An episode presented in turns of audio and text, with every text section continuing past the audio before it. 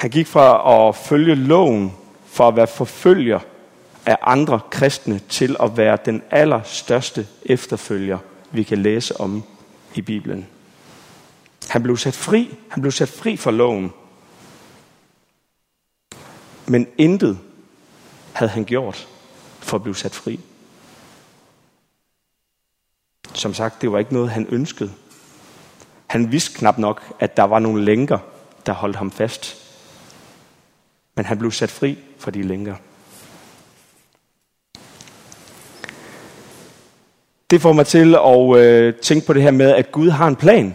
Gud har en plan for dig, han har en plan for mig.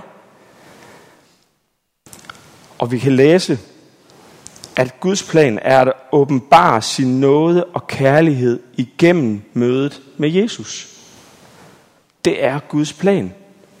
At vi skal få lov til at opleve en nåde og en kærlighed igennem Jesu. Den frelste Paulus. Måske har den frelst dig. Måske vil den frelse dig.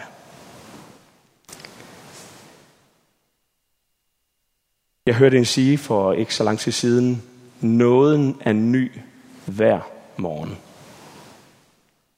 Jeg, jeg, jeg forstod det ikke. Øh, der gik lige et par uger, så læste jeg Galaterbrevet. Nåden er ny hver morgen.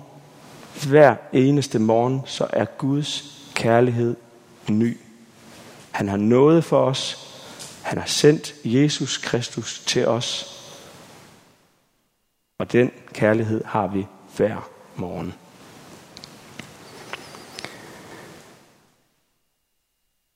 Paulus' brev til Galaterne og mange af andres, øh, andre af Paulus' breve bekræfter, at Guds plan for Paulus var at møde Jesus. Det var Guds plan, at Paulus skulle være et redskab.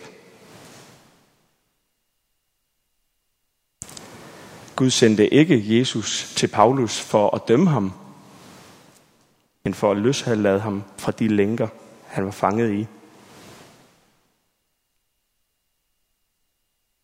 Og det samme gælder for dig og for mig.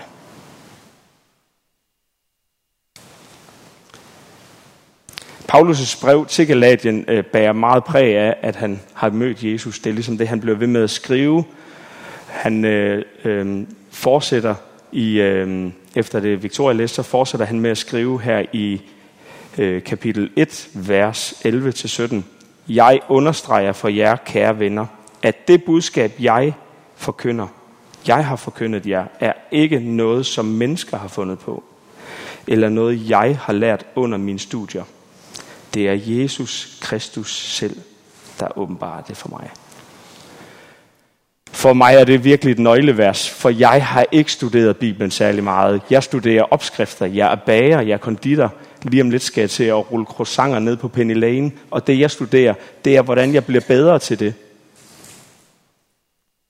Men her siger han igen, jeg understreger for jer, kære venner, det budskab, jeg forkynder jer, er ikke noget, som mennesker har fundet på, eller noget, jeg har lært. Han har studeret rigtig meget. Han er teolog. Han er den bedste teolog.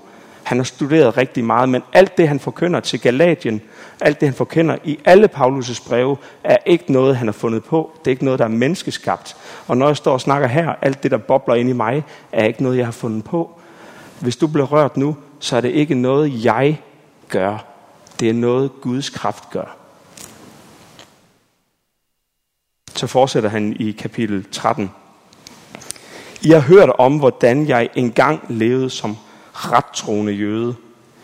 Jeg forfulgte de kristne af al magt og forsøgte at, und- at udrydde Guds menighed.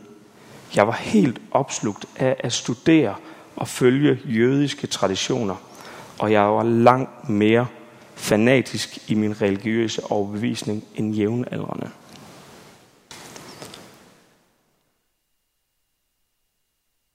Paulus' ord er altså ikke hans egne. De er blevet åbenbaret til ham igennem et møde med Jesus Kristus. Og Guds plan er at bruge Paulus' nye liv som efterfølger til at overbevise andre mennesker mennesker, som er jøder og har loven, men også ikke kristne, at Jesus Kristus er vejen. Det er ikke nok, at du har loven. Det er ikke nok, at du har Gud. Det er Paulus bevis på. Gud omvender Paulus.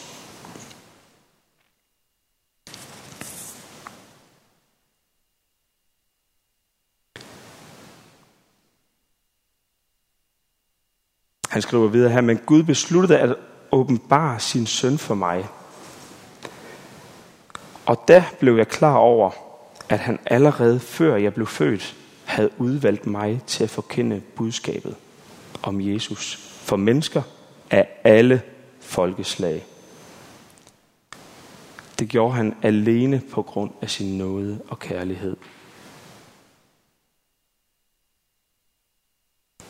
Det er Gud, som beslutter, at Paulus skal møde Jesus. Det er Gud, der beslutter, når Jesus en dag banker på i dit liv.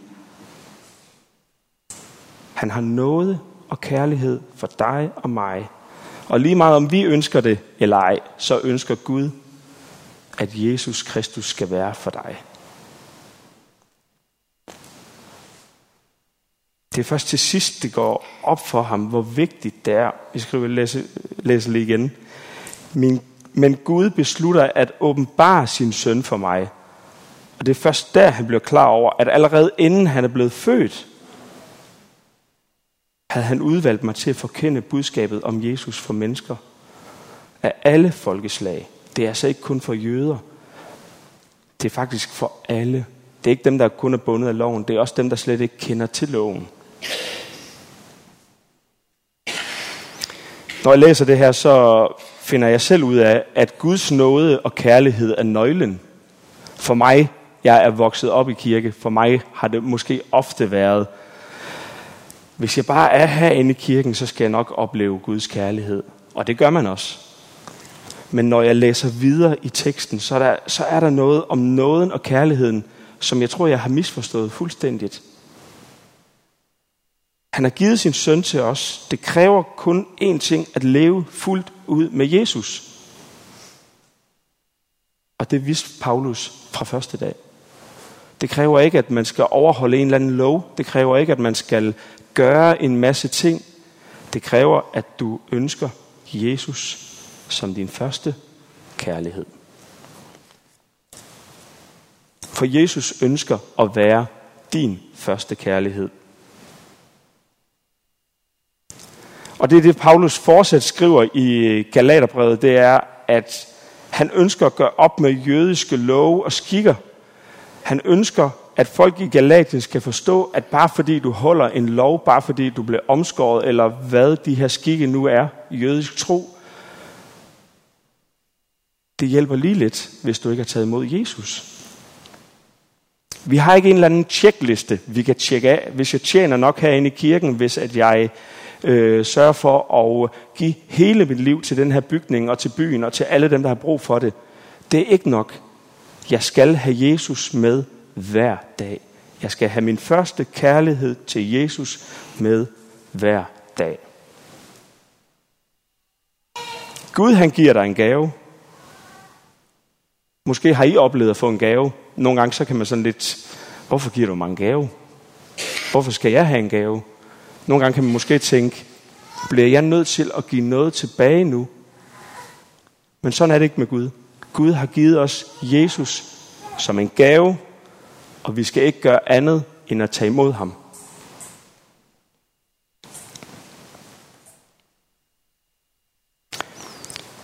Vi læser videre i kapitel 1, vers 17-20, hvor han skriver, Da jeg fik åbenbaringen, spurgte jeg ikke straks mennesker til råds, og jeg tog ikke til Jerusalem for at blive belært af dem, som allerede var apostle for mig. Nej, jeg gav mig, gav, begav mig straks ud i den arabiske ødemørke, ødemark og vendte tilbage, først senere til Damaskus. Nu er jeg ikke teolog, men når jeg læser det her, jeg ved ikke, hvor han drager hen, jeg ved ikke, hvem der er ude i ødemarken, men det, der kommer til mig, når jeg læser det her, det er det modsatte af, hvad jeg selv gjorde. For da jeg mødte Jesus for første gang, der handlede det meget for mig om at være så meget inde i kirken som muligt. Men, men når jeg læser her, så drager Paulus væk. Han drager væk fra alle dem, der har en tro og en stærk tro. Jeg ved ikke, hvad han drager væk fra, men jeg har en fornemmelse. Jeg har det, jeg mærker inde i mig, når jeg læser det her, det er, at det var vigtigt for ham at komme ud og udtrykke den her første kærlighed til alle dem, som ikke kendte Jesus. Det var ikke vigtigt for ham at vende ind i kirken, vende ind til de mennesker, der måske allerede kendte Jesus på deres måde. For ham var det vigtigt at drage ud og lære andre mennesker om hans første møde med Jesus.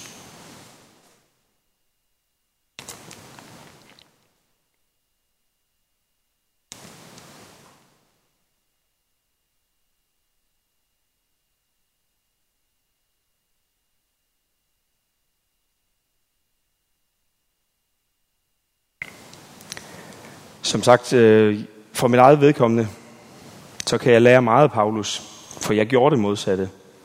Jeg fokuserede på måske at være... Jeg, er femte generations baptist. Der er mange ting, der er kommet ind med modermælken. Der er mange ting, jeg har gjort, fordi at jeg gør lidt som dem, der gjorde før mig. Og da jeg mødte Jesus, der gjorde jeg også det, som dem omkring mig gjorde. Men hans ord her til Galatien provokerer mig ret meget i forhold til, han siger ikke, det er forkert. Han gjorde bare noget andet. Og den Jesus, vi kender i dag, den kender vi primært på baggrund af mange af de ting, Paulus gjorde rigtigt. Han formåede at fortælle om hans første kærlighed, og mange fik lov til at opleve det. Så det opmuntrer mig virkelig at være mere som Paulus, og være mere afhængig af den første kærlighed til Jesus. Han er meget konkret i forhold til loven. Han er meget konkret i, i Galaterbrevet om, at det fjerner fokus fra de rettroende jøder, at de holder sig så meget til loven.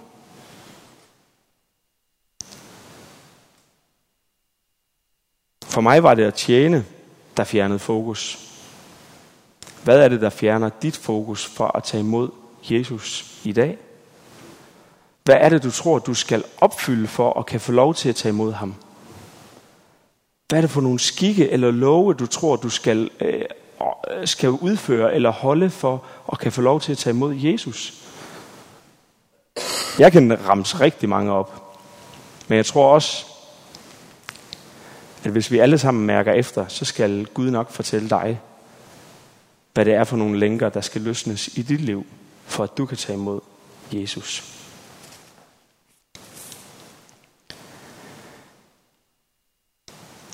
Der Lars han gav mig opgaven om at skulle prædike ud fra Galaterbrevet, var der et vers, jeg vidste, jeg skulle have med. Øh, det er i kapitel 2, vers 19-21. Også mit liv var engang styret af de jødiske love, men jeg blev først men jeg blev løst fra dem for at kunne leve for Gud. Mit gamle liv er korsfæstet med Kristus. Jeg lever ikke, som jeg gjorde før, men nu lever Kristus i mig. Alt hvad jeg gør, det gør jeg i troen på Guds søn, som elskede mig og gav sit liv for mig. Jeg står fast på, at Gud accepterer os alene på baggrund af sin nåde – hvis det var muligt at blive accepteret af Gud ved blot at overholde de jødiske love, så døde Jesus Kristus til ingen nytte. For mig rammer det her især vers 21. Jeg slår, står fast på, at Gud accepterer os alene på grund af sin nåde. Hvis det var muligt at blive accepteret af Gud ved blot at overholde jødiske love, så døde Kristus til ingen verdens nytte. Jeg tror altid, jeg har forstået Jesus Kristus død på korset. Jeg har altid troet, at øh, det gav mening for mig. Men lige pludselig i den her tekst, jeg har aldrig læst det her før, jeg, jeg begyndte at græde. Jeg blev ked af det, for jeg synes ikke, jeg havde forstået Jesus død på korset. Fordi loven på mange måder har været vigtigere for mig. Det har været vigtigere for mig at gøre mange ting. Tjene mennesker, der troede på Gud allerede. Tjene mennesker, der troede på Jesus herinde. Og det er ikke forkert. Vi skal bare have Jesus med i det. Vi skal have Jesus Kristus død på korset med i det. Det er derfor, vi gør det. Vi gør det, fordi vi elsker ham, og fordi at jeg elsker, eller ønsker, at I skal elske ham. Det er det, vi, det er det planen er, det er det målet er, det er det Gud han ønsker. At når vi tjener, så gør vi det ikke for egen vindings skyld. Vi gør det, fordi at vi har oplevet Jesu Kristi kærlighed. Den ønsker vi at dele med andre. Han døde på korset for vores skyld.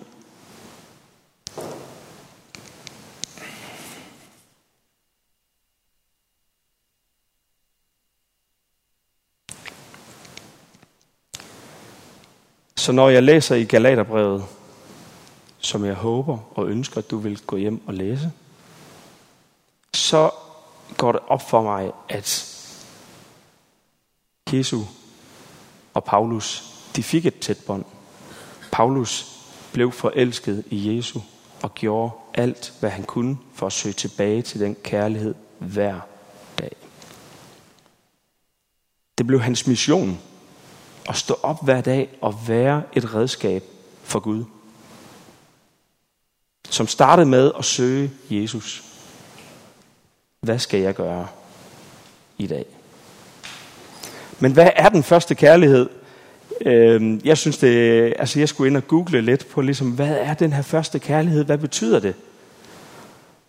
En første kærlighed betyder en kærlighed, som kommer før alt andet den største kærlighed, større end vores kærlighed til os selv, vores familie, vores venner.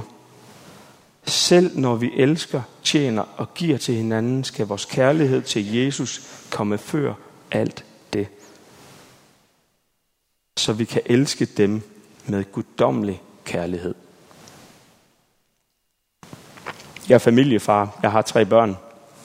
Og når jeg læser teksten her, og læst videre med eksempler og det hele, så står der, at jeg skal elske Jesus højere, end jeg elsker min dreng.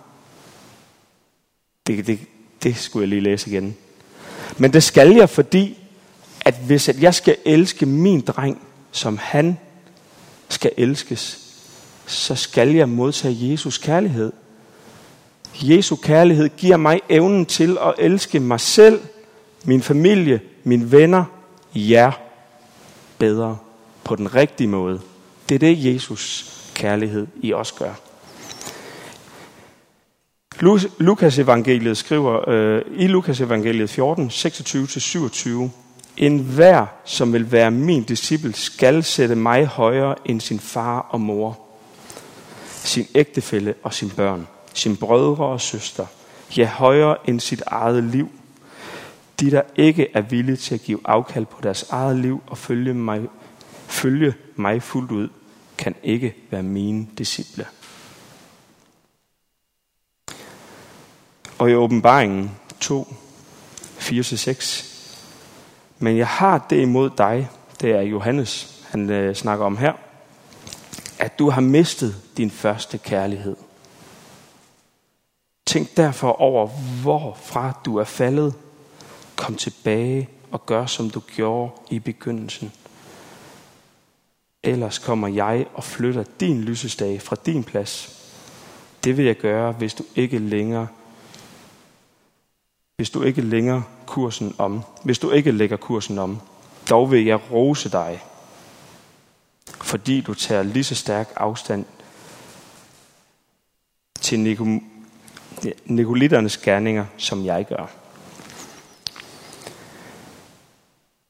De her to vers skal hjælpe os til at forstå, hvor vigtigt det er, at vi har Jesus som vores første kærlighed. Og jeg vil gerne slutte af med at invitere dig på ny. Måske har du glemt din dåbsdag. Måske har du glemt det første møde, du fik lov til at opleve, dengang Jesus rørte ved dig første gang. Måske har du aldrig oplevet det. Så vil jeg gerne invitere Jesus ind i dit liv. Vi skal tale mere om Jesus. Vi skal forstå Jesus bedre. Har du tro på, at Guds kærlighed og noget er nok for dig? Har du tillid til, at Jesus Kristus kan befri dig fra dine lænker? Så vil jeg gerne invitere dig til at lære Jesus bedre at kende. Han er min første kærlighed, og han vil også være din første kærlighed. Amen.